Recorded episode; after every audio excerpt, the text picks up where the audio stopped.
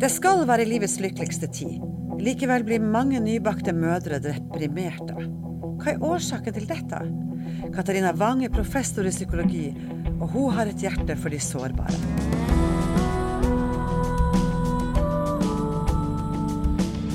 Observatoriet. En forskningspodkast fra UiT Norges arktiske universitet.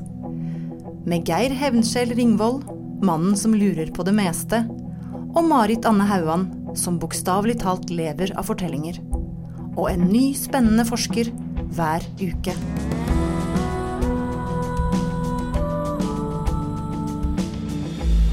Marit, du er jo den av oss som har eh, erfaring med fødsler.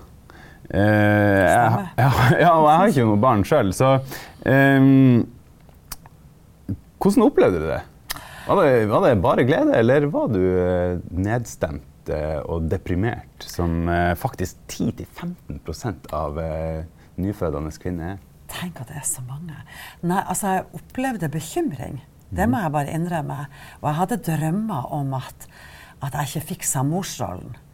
Eh, men vi øvde oss, jeg og ungene hans, så det gikk seg til. Men, så jeg opplevde ikke det, men det er et høyt tall, syns jeg. Et veldig høyt tall. Skal høre litt eh, hva som ligger bak det, og, og hvem bedre enn selveste deg, Katarina Elisabeth Arvidsson Wang. Eh, professor ved Institutt for psykologi og spesialist i klinisk nevropsykologi.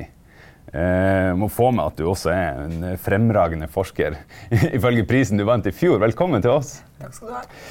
Eh, altså Du har fordypa deg i det her med fødselsdepresjoner. Eh, helt kort, eh, har du lyst til å forklare hva det er for noe? Fødselsdepresjon eh, Vi snakker også om nedstemthet. så det, det, er et skille mellom det å ha symptomer og det å ha en klinisk depresjon. Eh, og klinisk depresjon er behandlingstrengende. Mens det å ha symptomer, det er ting man kan komme over. Så vi skiller på dette, og ikke bare for fødselsdepresjon, men generelt. Eh, symptomene handler om å være nedstemt, det handler om å mangle energi, det handler om, ofte om å ha veldig mye tanker, både grubling og bekymring, eh, som på en måte overtar eh, mye av, av måte, følelsene og, og, hvordan du har det, da. Så, um, og det kan komme i graviditeten. Start, det begynner ofte for mange i graviditeten, og noen kan få det etter at barnet er født. Um, sånn at det er litt varierende. Det skal jo være det mest fantastiske som kan skje mm. i noen sitt liv. Og likevel. Men du, eh, ligner det Du er jo i utgangspunktet eh, depresjonsforsker og ja. spesialist på depresjoner. Mm. Er depresjoner og fødselsdepresjoner like? Er det søskenbarn på jord? Eh, ja, det er det. Ja. Altså, vi, men depresjon er en heterogen diagnose, sier vi. Det betyr at det kan være mange grunner til å få en depresjon. Eh, så, eh, og når det gjelder fødselsdepresjon, så tenker man at det er mange forskjellige årsaksfaktorer. Det kan være rett og slett biologi. Det er jo store hormonelle endringer. Eh, for noen, så noen er veldig sårbare, eh, og at det er mer sånn biologisk utløst. For andre så handler det om eh, store fysiske belastninger. Eh, det vet man at folk som har vært fysisk syke eller har fysiske utfordringer, de eh, kan også reagere med depresjon. Og så er det en stor overgang. En, en enorm endring i rolle, eh, både som for å bli, det å bli mor, på en måte fra å bare være alene med seg sjøl, Eh, sove lite, det vet man kan være utløsende på depresjon. Eh, og det er endringer forhold til partner. Så vi, vi, snakker om at det er en overgangsfase, og overgangsfaser er mennesker sårbare. Og her er en overgangsfase som både handler om biologi, roller, sosialt, psykologisk. Eh, så det er mange årsaker. Mm. Det her er jo eh, altså det har, har du forska mye på. Mm. Og vi skal komme tilbake til uh, den forskninga. Men um, det her er jo podkasten hvor uh, man blir litt kjent med mennesket bak også. Mm. Og jeg syns du har en litt sånn spennende uh, vei til akkurat der du er i dag, som en av de ledende i landet på forskning på depresjon, og kanskje særlig for unge mødre. da. Jeg har lyst til å ta deg gjennom eh, liksom, highlightsene i, i, livet ditt. Mm. ja, det kan vi gjøre. Vi kan starte med Arved, Arv, Arve, Arvidsson. Ja, Arvidsson. Det, det, skrives på en veldig krøkkete ja, måte, nemlig. Med en W inni der. og liksom. Mm. Ja. ja. Ja, det er min mors navn. Eh, Jeg er født i Stockholm, og min mor er svensk. Eh, og hun, sa nettopp pga. at det er krøkkete navn, så sa hun i mange år at du må ikke ta det navnet. Ingen som klarer å skrive det. så opprinnelig het jeg jo bare Wang, da. Men etter hvert så, så følte jeg at jeg var også min mors datter. Eh, og det hadde jeg lyst til å, å på en måte ta med meg videre. Så da brydde jeg meg ikke om hva min mor sa. Men jeg tror hun ble veldig stolt da når jeg til slutt tok det. Og i Norge er det vel bare hun og jeg som heter Arvidsson. Så det er jo litt fint, da. Så jeg er stolt av å ha, være min mors datter. Ja. Og så eh, altså For å, å, å hoppe litt frem i tid, så um, er du jo faktisk eh, en litt sånn historisk person her på UiT, Norges arktiske universitet, som f- en del av første avgangskullet i psykologi. ja da.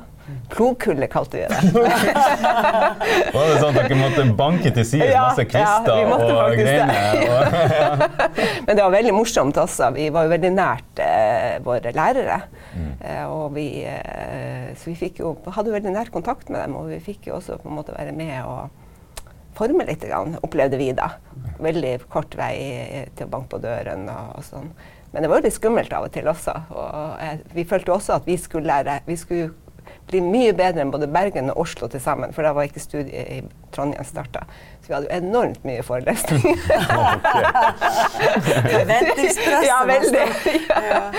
Så det var på godt, på godt og ondt, På å si det mest på godt. Ja. Mm.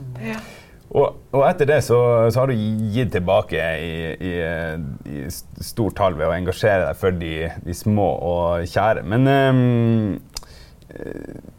jeg vet bl.a. at du eh, er rideinstruktør. Hvordan spiller psykologien inn der? Er det noe overføringsverdi?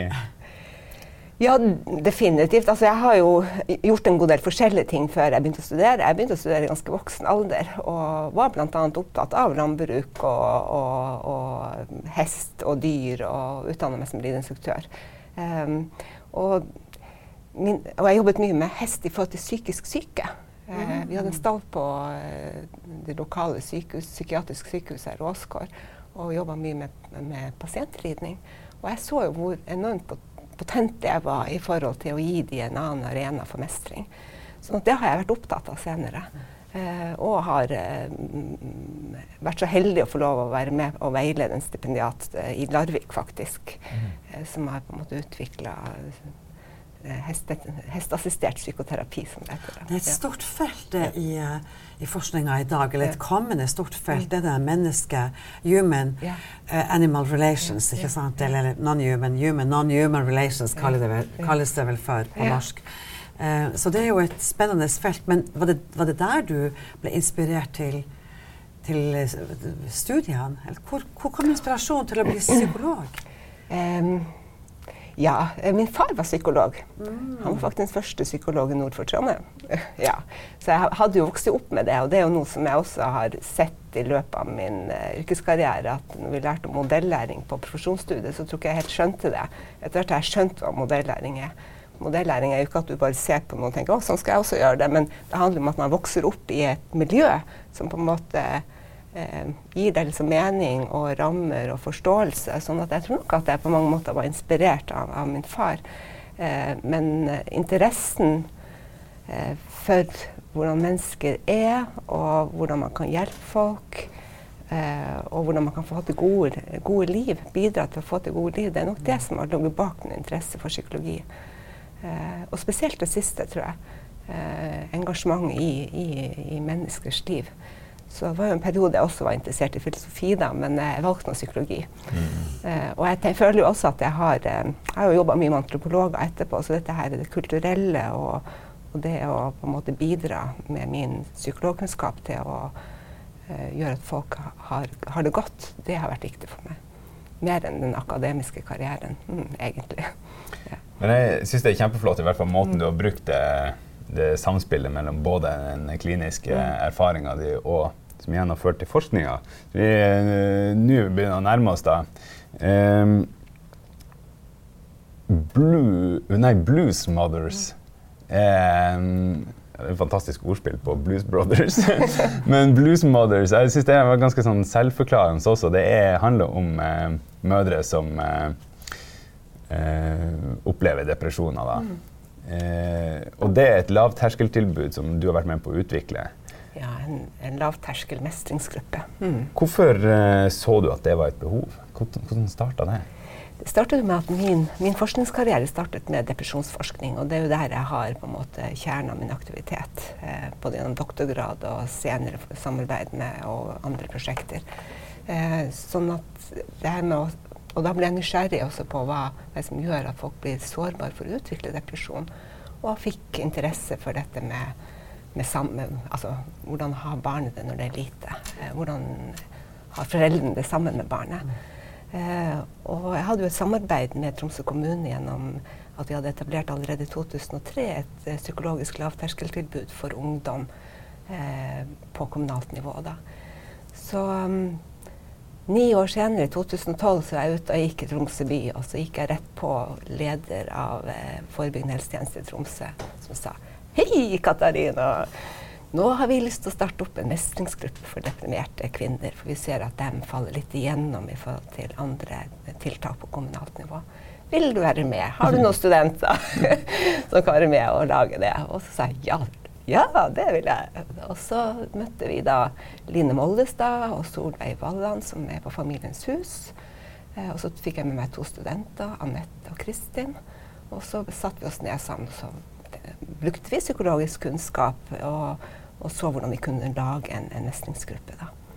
Eh, og putta inn ingredienser som vi vet fra forskning kan være med på å fremme eh, samspill mellom foreldre og barn, eller mor og barn. da. Eh, for eksempel? Ja, det gikk på babymassasje. Eh, vi har babymassasje inni her, vi har babysang. Vi har litt sånn eh, fokus på samspill, hvor det også er en lokal eh, kollega som heter eh, Inger Pauline Landsem, som bruker å være inne og snakke om hvordan barnet kommuniserer, det nyfødte barnet. Ja. Og så vi, la vi selvfølgelig inn da mye psykoedukasjon, som vi kaller det. Psykoedukasjon. Ja. Edukasjon betyr jo læring. Ja. Så, og det er jo en veldig viktig del i eh, når man jobber med psykisk helse, at man prøver å eh, Man lærer dem som strever, om, om hvor, hva som skal til for Eller hvorfor man blir deprimert, f.eks. Og hvordan man kan hjelpe seg sjøl for å få det bedre. Eh, så det har vi mye fokus på da i den gruppen også. Men vi passer på at ikke det bare blir å snakke om sånne ting, at det også skal være være eh, tid og rom for å snakke i lag og gjøre hyggelige ting sammen. Så det er en mestringsgruppe som vi da starta i 2012, våren 2012. Eh, og Kristin og Nette som studentene de intervjua damene etterpå. Eh, så vi har skrevet en artikkel om det etiske for Norsk Psykologforening, hvordan de opplevde det. Både det, hva som skjedde når de ble deprimert, og hvordan de opplevde mestringsgruppen.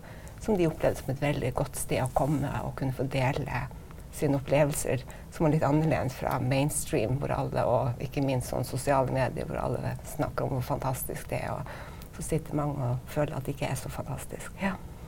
Men uh, tenk på, du, du, nevner dette med babymassasje og sang. Mm. Er det babymassasje, så får du jo tatt på barnet. Er det den her taktile, dette med at man man ikke skal snakke med barnet i ansiktet, men man skal komme liksom inn på huden. Og er det det som er hva er tanken bak det der? Ja, Tanken bak det er jo at når du altså Man vet jo om dette, vet, det er flere nivåer her, men, men eh, når, man tar på, eh, når vi tar på hverandre, så utløses oksytocin. Eh, sånn at det er et sånt hormon som gjør en mer glad og avslappa. Sånn at man tenker at det kan være godt altså det er godt både for, Det vet vi jo vi går hjem og slenger oss på sofaen. Det, en av familiene massere deg. Ja. Godt det er. ikke sant? Så det har jo noe med den eh, ja, at man kommer nært hverandre, og at det rent fysisk utløser hormonelle ting da, som gjør at man får det godt. Så det tenker man er bra. Altså, det kan gjøre kvinnene mindre deprimert, og det fremmer tilknytning til barnet. Og barnet opplever det som godt. Så, så. Hvem er det som er ordentlig sånn, i faresona? Er det dem som er, blir alenemødre, eller eh? Ja, man vet, ja, det er en del sårbarhetsfaktorer som er, som egentlig er ganske veletablert. Eh, det er eh, hvis du har hatt en depresjon tidligere, hvis du har eh, lite sosial støtte, hvis du Ikke nødvendigvis alenemor hvis du har god sosial støtte. Så det er liksom at du har nok ressurser, sosiale ressurser rundt deg. det er konflikter i parforholdet. Um, det er en sårbarhetsfaktor. Um, ja. Kommer jeg ikke på flere akkurat men, men, det er jo også interessant, Geir, at uh, Jeg vet ikke om du planlegger å bli far, men det er jo ikke bare kvinner som er i faresonen. Nei. Det var jeg litt overraska over. 5-10% av menn også. Ja. Og det er det Her handler det om Min mann sa til meg, han er lege, han sa til meg når, eh, når vi fikk barn at uh, og det det er, mange år siden. Da sa han har du sett at småbarnsforeldre, eh, fedre blir litt runde i kinnene. Og det er kortisolpåvirkning. Og det er stress. Så for menn, både for menn og kvinner er det stressende. Altså, stress er ikke bare negativt. Det kan stresse på negativt og positivt. Men når en organisme skal endre seg, altså når noe man er i forandring, og det å få barn er jo en overgangsfase, så blir de stressa. Eh, og hvis vi føler at dette er noe vi mestrer, så er det OK. Eh, men hvis vi føler at det ikke er noe vi mestrer, så kan det Det er jo en trigger for depresjonssymptomer. Så det, så det er naturlig at menn også eh, kan oppleve det. Og vi ser at når menn må være aleine hjemme eller må, Når menn er mer hjemme med barna sjøl i forbindelse med utvida, altså at de, får permisjon og sånn, så eh, har vi sett at det er flere menn som også blir deprimert. Fordi at de nok opplever det som ja, kanskje vanskelig å, å, å, å måte takle barn alene. Da. Eh, fordi det er jo en ny rolle man går inn i. da. Og kortisolbegrepet som du brukte, det er et begrep som betegner at kroppen lagrer fettet og og, og, man faktisk blir tjukkere. Ja. Ikke sant? Sånn at ja. Derfor blir man rund i kinnene. Ja. det ser man med mennesker i, Litt mage, ja. og i, i stressende jobber, f.eks. Eller i krigssituasjoner, trua situasjoner, så kan det skje. Men det skjer altså det mest naturlige Vi snakker om det som mest naturlig i verden, det å føde.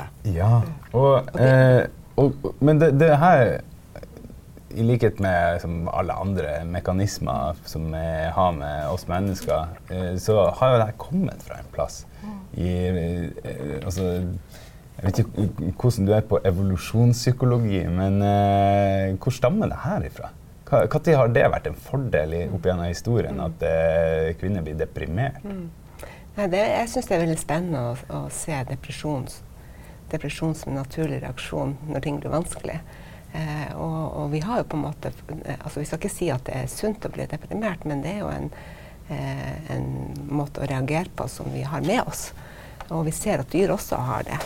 Eh, og depresjon er vel å si det som at det er en, på en måte en måte å be om hjelp fra omgivelsene, eh, fra flokken. At nå, klar, nå har ikke jeg nok ressurser sjøl til å mestre denne situasjonen. Så det er jo på en måte Eh, en måte å påkalle hjelp. Og evolusjonsteoretikere har nettopp sett på dette med fødselsdepresjon som eh, nettopp dette. Som kanskje det mest typiske tegn på dette. At kvinnen ved å bli deprimert gir beskjed om, på en ubevisst måte selvfølgelig, at nå må dere komme og hjelpe til. Eh, og da tenker man at, at, det er en fordel for arten at dette barnet klarer seg. Og når kvinnen ikke sjøl mestrer å, å gi det det som det trenger, eh, så påkaller hun hjelp gjennom å, å, bli deprimert. Ja. Uh, I fortellertradisjonen, nordnorsk fortellertradisjon, som jo er sagn og eventyr og, og gåter og, og ordtak og alt det, ja, så finner vi i hovedsak to fortell grupper fortellinger eller motiv om babyer. Mm. Det ene er jo dette med barn født i dølgsmål, i det skjulte, mm. altså de gjemt i naturen. Mm. og så går man tur i fjellet eller man kommer i skogen, eller noe sånt, og så hører man barnegråt, eller til og med ser et barn, baby, og så vet man, da vet man at det er et sånt barn som noen har gjemt altså etter, etter fødselen. altså et nyfødt barn. Og da er det sånn, da sies det at hvis du sier, hvis du døper det, så får det fred. Så da skal du si 'Jeg døper deg på Von, enten Kari eller Jon', og så blir det stille. Så det er en sånn dramatikk i det, men, men dåpen er en velsignelse. Det andre er jo at uh, når babyen er nyfødt, og før den blir døpt og ligger i vugga, så må man ha enten stål eller sølv i vugga. Altså enten en kniv under vugga eller en mynt i, i vugga for å beskytte det mot de underjordiske. At ikke de underjordiske kommer og stjeler barnet ditt, og så ligger det tilbake en skrikerunge. En stygg skrikerunge som er din unge. ikke sant? Det er liksom den dramatiske fortellinga. Begge to handler jo om sosial kontroll og tilpasning og alt dette her. Men det er liksom ingen Jeg finner ingen fortellinger eh, som jeg kan relatere til dette med mødres depresjon. Altså det at mødre skal tilpasse seg sosialt og gjøre sånn og sånn. Men ingen depresjon. Er, er, det, er det et eh, tabuert Hva fantes det ikke før i tida, eller, var det tabuert? Er det et nytt fenomen? Altså, dette har jo ikke jeg forsket på, Nei. men det som, som du er inne på nå, eh, og som er veldig viktig, er at, at overgangsfaser i alle kulturer er det ritualer knytta til det. Eh, og i, i en del andre kulturer finner man ikke fødselsdepresjon på samme måte, fordi at man setter inn ressurser eh, rundt familien med at man baker kaker, folk flytter hjem. Altså det, man backer opp med, med, med mennesker eh, og hjelp. Og det er vel det som er litt utfordrende i vår kultur, da, at eh, når vi sier at kvinner er ikke syke, så de for eksempel må eh, så de trenger ikke å være på sykehuset. Ja, det er helt riktig, men sykehuset har jo på mange måter overtatt i mange tiår den funksjonen av å være et sted hvor, det hvor kvinnen og familien får, måte får hjelp de første dagene. Eh, og det er noe av grunnen til at man tenker at det er en økning i fødselsdepresjon. At, at, at det er for lite eh, støtte rundt eh, den lille familien. Og så vi mye, flytter vi jo mye, ikke sant. Det er lite større sosialt Eller familien er langt unna. Sånn. Ja. Veldig bra henta inn der til eh, det som du var med på å starte, da, det her lavterskeltilbudet. Ja. Eh, hvor eh, målet er vel å tilby akkurat det. Mm. Det som man mangler da, hvis man føler at man blir satt litt eh, direkte på fortauet etter man kommer ut fra sykehuset. Eh, hvordan er det, det dere organiserer det? Tenkte du da på sykkelhjelpen for de minste? Ja, nå, nå, nå, introduserte vi, nå introduserte vi et, et nytt eh, prosjekt her. For at det er, eh, hvis jeg forstår det riktig, forlengelsen av Blues Mothers. Ikke forlengelsen. Det er, en, det er et siden, en tillegg, eller ikke forlengelse. Det er et, et selvstendig prosjekt. ja. Um, hvis vi snakker om sykkelhjelpen for de minste, så er det en, men det er en videreføring av at vi starta på 2003 en sånn psykologisk rådgivningstjeneste for ungdom, som ble, har blitt veldig populært. og eh, veldig mange ungdom i Tromsø bruker. Eh, og det er jo et samarbeidsprosjekt mellom Tromsø kommune og universitetet, hvor det er studenter som driver denne rådgivningen. Så jeg er jo ansatt på universitetet, jeg kan jo ikke bare jobbe med kommunen. Alt jeg. Så det jeg gjør, må jo på en måte involvere undervisning eh, og utdanning.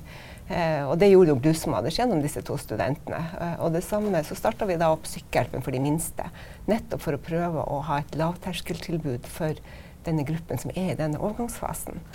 Fordi vi vet at de går mellom sant, eh, først fastlege og, og jordmor, og så til sykehus, og så til helsesøster, og så skjer det så mye. Så vi trenger liksom noe, stabil, eller noe som kan være der fra graviditet til, til barnet er fem år, tenker vi. Eh, som et psykologisk lavterskeltilbud på kommunalt nivå. Eh, og da er det helsesøstre, jordmødre, kvinner kan selv ta kontakt. Men det skal være så lavt at man bare kan komme med en liten bekymring, at man lurer på om, man, om det er noe galt med ungen. Eh, som da ikke helsesøster, hvis helsesøster da tenker at dette er mer psykiske ting. Eh, til at vi også fanger opp eh, kvinner som har ut, vært utsatt for seksuelle overgrep i oppveksten, f.eks. som aldri har fortalt det til noen. Men når de får barn sjøl, så kommer disse følelsene, tankene opp igjen. Og da kan vi hjelpe dem videre. Sånn at, eh, og vi tenker at det er veldig viktig å ha et sånt tilbud som på en måte eh, du kan gå til med en gang du kjenner at nå er det vanskelig. For ellers er det jo dessverre slik at du må vente lenge for å få tilbud i spesialisthelsetjenesten. Og det er ganske langt tungt for en småbarnsfamilie å først gå til fastlegen og fortelle hvordan de har det, og så måtte vente for å komme videre. Ja, for hvor lang tid har man på seg? Altså, Når har man satt spor hvis et barn blir født inn i en, en sliten og deprimert familie og, og blir der? Hvor- Man, eh, hvis, internasjonalt også så har man blitt mer og mer opptatt av det vi kaller 1001 dager. Og 1001 dager viser hen til når ble, barnet ble unnfanget, til det er to år. Og man mener at disse, denne perioden her legger et helt fundamentalt grunnlag for det lille barnet sitt videre liv. Da. Eh, det, man, men man snakker også om at det er en unikt vindu for å gjøre noe i familien. Fordi det er selvfølgelig stor endringsvillighet når man får barn. Eh, eller blir gravid og får barn. Sånn at det, man tenker at hvis man klarer å komme inn i denne perioden med forebyggende tiltak og med hjelp til familien, så kan man få til mye god endring og legge, være med på å legge et godt grunnlag. Så Derfor er denne tida kjempeviktig. Ja. Mm. Hva gjør du for å få ut det budskapet til flest mulig? Ja. Det er jo fint å ha kommunen i ryggen. Men, eh, ja. ja. nei, vi eh Pga. Bluesmothers og Sykehjelpen for de minste som vi starta opp, så hadde jeg i, uttalt meg litt i avisen om det. Uh, og så var det noen, andre, noen eh, som hadde opplevd fødselsdepresjon sjøl, som, som, var ute i avisen og skrev kronikk bl.a. i Aftenposten i fjor vår. Så da uh, ble jeg ringt opp av noen som hadde lyst til å starte en som heter Lena Engelsen, som hadde lyst til å starte opp en brukerforening uh, for fødselsdepresjon. da. Uh, og hun, var en er, var, hun er en meget flott dame med stort engasjement. Så hun klarte i løpet av noen få måneder å få med seg flere bruker, med brukererfaring og eh, tre uh, fagpersoner, da, inkludert meg sjøl, Malin Eberhardt Gran og Gro Vatne Brean, som på en måte har både forskningserfaring og klinisk erfaring med dette.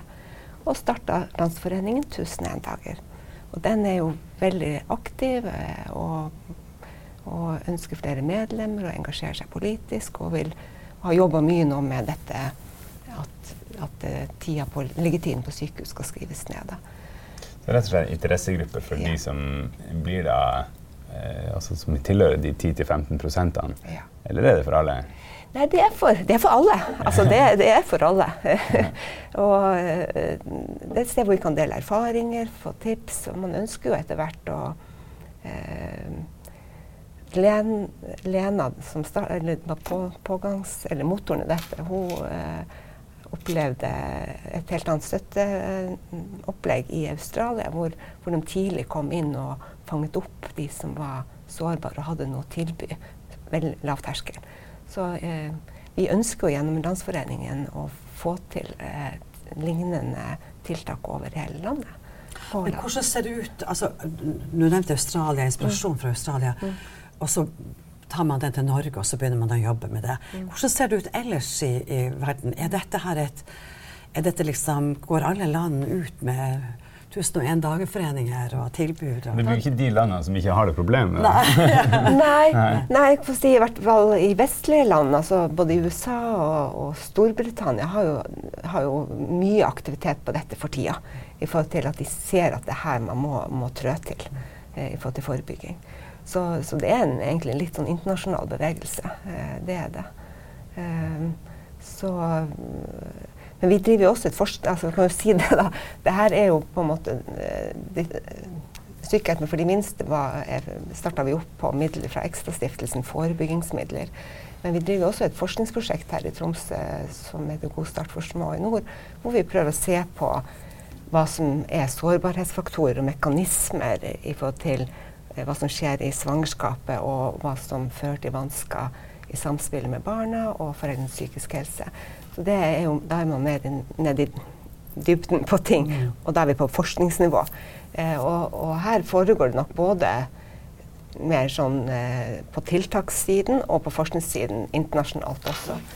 Men eh, det er nok en bevegelse i mange land nettopp fordi man er blitt opptatt av forebygging, og man vet at psykisk helseproblematikk er en så eh, stor samfunnsøkonomisk belastning i veldig mange land. Katarina Elisabeth Arvidsson Wang, tusen hjertelig takk for at du eh, hadde lyst til å være med her i dag. Ja, takk skal dere ha for at jeg fikk komme. Ja, takk for en flott prat.